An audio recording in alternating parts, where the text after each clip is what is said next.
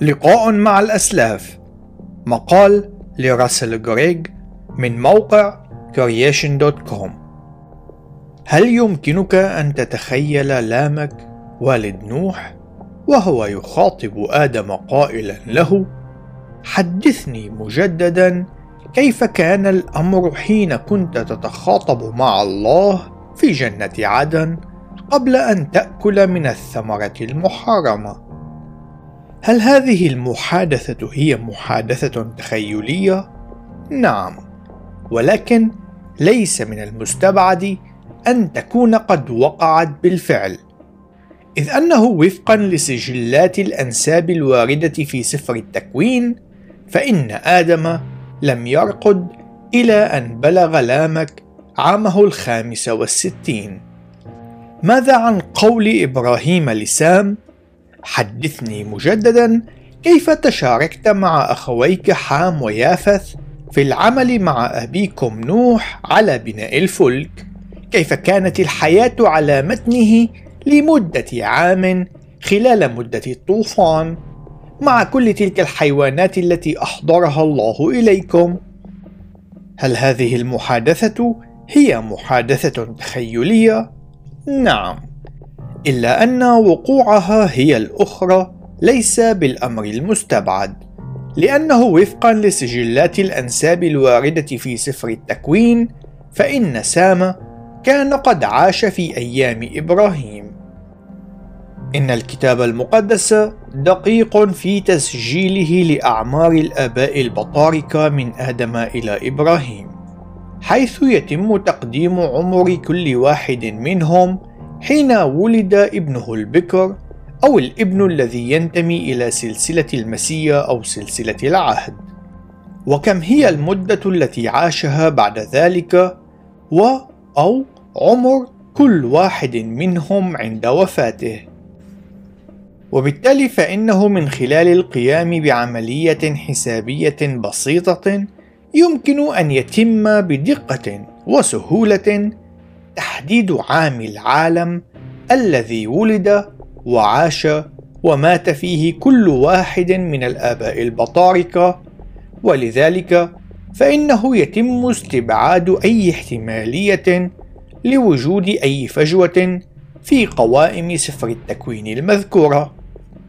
وبالتالي فإن آدم الذي كان قد خلق في اليوم السادس من السنة الأولى والمتوفى في العام 930 من بدء الخليقة يمكن أن يكون قد تحدث مع أحفاده بمن فيهم لامك والد نوح المولود في العام 874 منذ بدء الخليقة أما بالنسبة لسام ابن نوح المولود في العام 1558 منذ بدء الخليقة والمتوفى في العام 2158 منذ بدء الخليقة فإنه من الممكن أن يكون قد تحدث مع أحفاده بمن فيهم إبراهيم الذي ولد في العام 2008 منذ بدء الخليقة وبطريقة مشابهة يمكن أن يتم تحديد تاريخ الطوفان الذي وقع بعد الخلق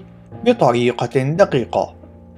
نقرأ في سفر التكوين في الآية السادسة من الإصحاح السابع اقتباس: وكان عمر نوح ستمائة سنة عندما حدث طوفان الماء على الأرض. نهاية الاقتباس.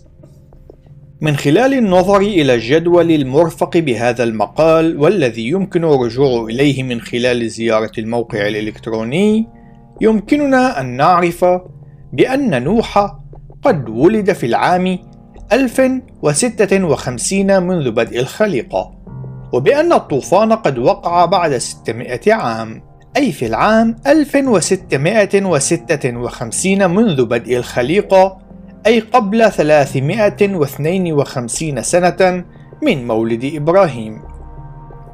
لاحظ أن سام المتوفى في العام 2158 منذ بدء الخليقة وعابر المتوفى في العام 2187 منذ بدء الخليقة كلاهما قد عاشا ليعاصرا أحفادهما حتى إبراهيم لذلك فإنه ليس من المستغرب أن يعرف المجتمع البطريركي الذي أنشئ فيما بعد تحت مسمى الساميين نسبة إلى سام أو العبرانيين نسبة إلى عابر. لكن هل يوجد أي فجوات؟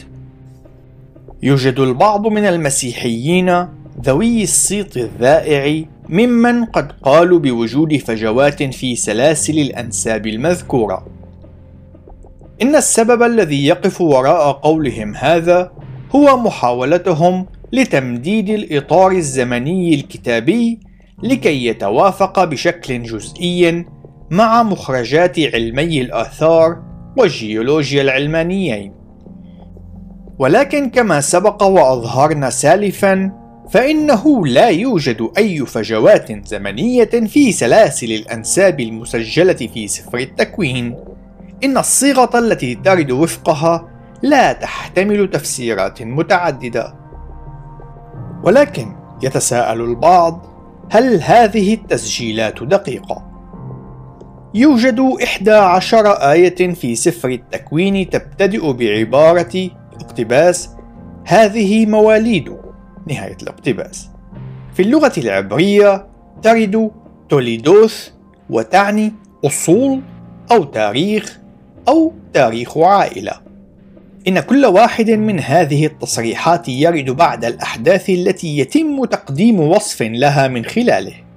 وجميع الأحداث التي يتم تقديم تسجيلات عنها في هذه الأجزاء كانت قد وقعت قبل وليس بعد وفاة الأشخاص الموصوفة أسماؤهم وبالتالي فإن هذه الأجزاء قد تكون بمثابة خلاصات أو توقيعات ختامية أي أنها بمثابة توقيع من الكاتب وليست عناوين فرعية أو افتتاحيات.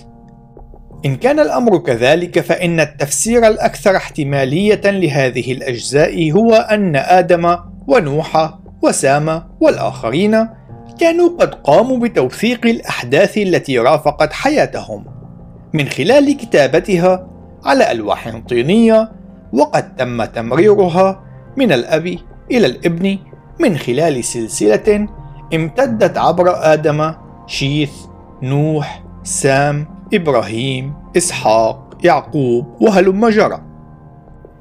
بعد ذلك قام موسى مساقا من الروح القدس بانتقاء وجمع وتحرير هذه الألواح مضيفا إليها تعليقات تفسيرية ليجمعها في كتاب نعرفه في يومنا هذا باسم سفر التكوين.